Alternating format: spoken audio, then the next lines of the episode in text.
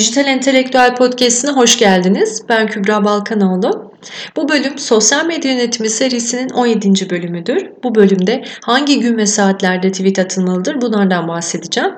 Tweet içeriği kadar tweet atacağınız gün ve saatler de önemli. Twitter'ın yoğun kullanıldığı zamanlarda tweet atmak takipçilerinizin paylaşımlarınızı görme şansını artırıyor. Aynı zamanda izledikleri bir video, gif gibi bir paylaşımınızı beğenir, yorumlar veya retweet dediklerinde markanızı takip etmeyen kişilere de ulaşarak kitlenizin artışı sağlanıyor.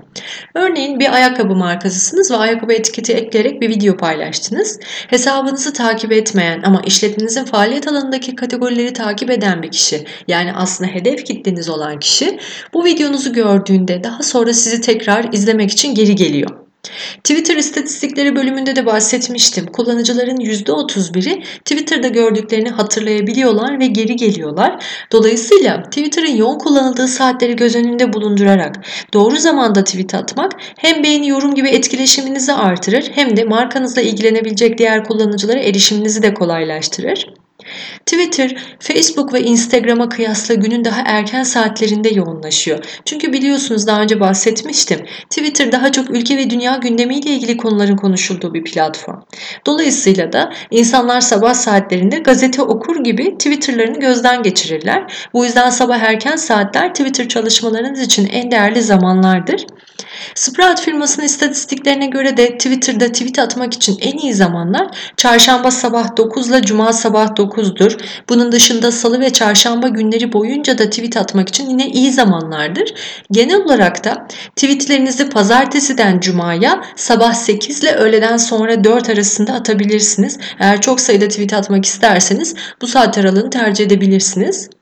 Cumartesi günleri en az etkileşim alan gündür. En düşük katılımın olduğu ve kaçınılması gereken zamanlarsa her gün akşam 10 ile gece 4 aralığındadır.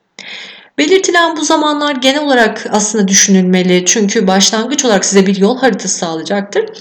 E, çünkü aslında paylaşım günleri ve saatleri farklı araştırma şirketlerine göre değişiyor. E, bu yüzden siz kendi hesabınız için en iyi paylaşım zamanı ancak test ederek bir sonuca varabilirsiniz. Bunun için günün farklı saatlerinde günlük örneğin 3 tweet atarak test edebilirsiniz. Günün farklı zamanlarında görüntülenme, yorum beğeni gibi etkileşim zamanlarınızı inceleyebilirsiniz. Twitter sayfanızın Analytics özelliğinden de performansı izleyebilirsiniz.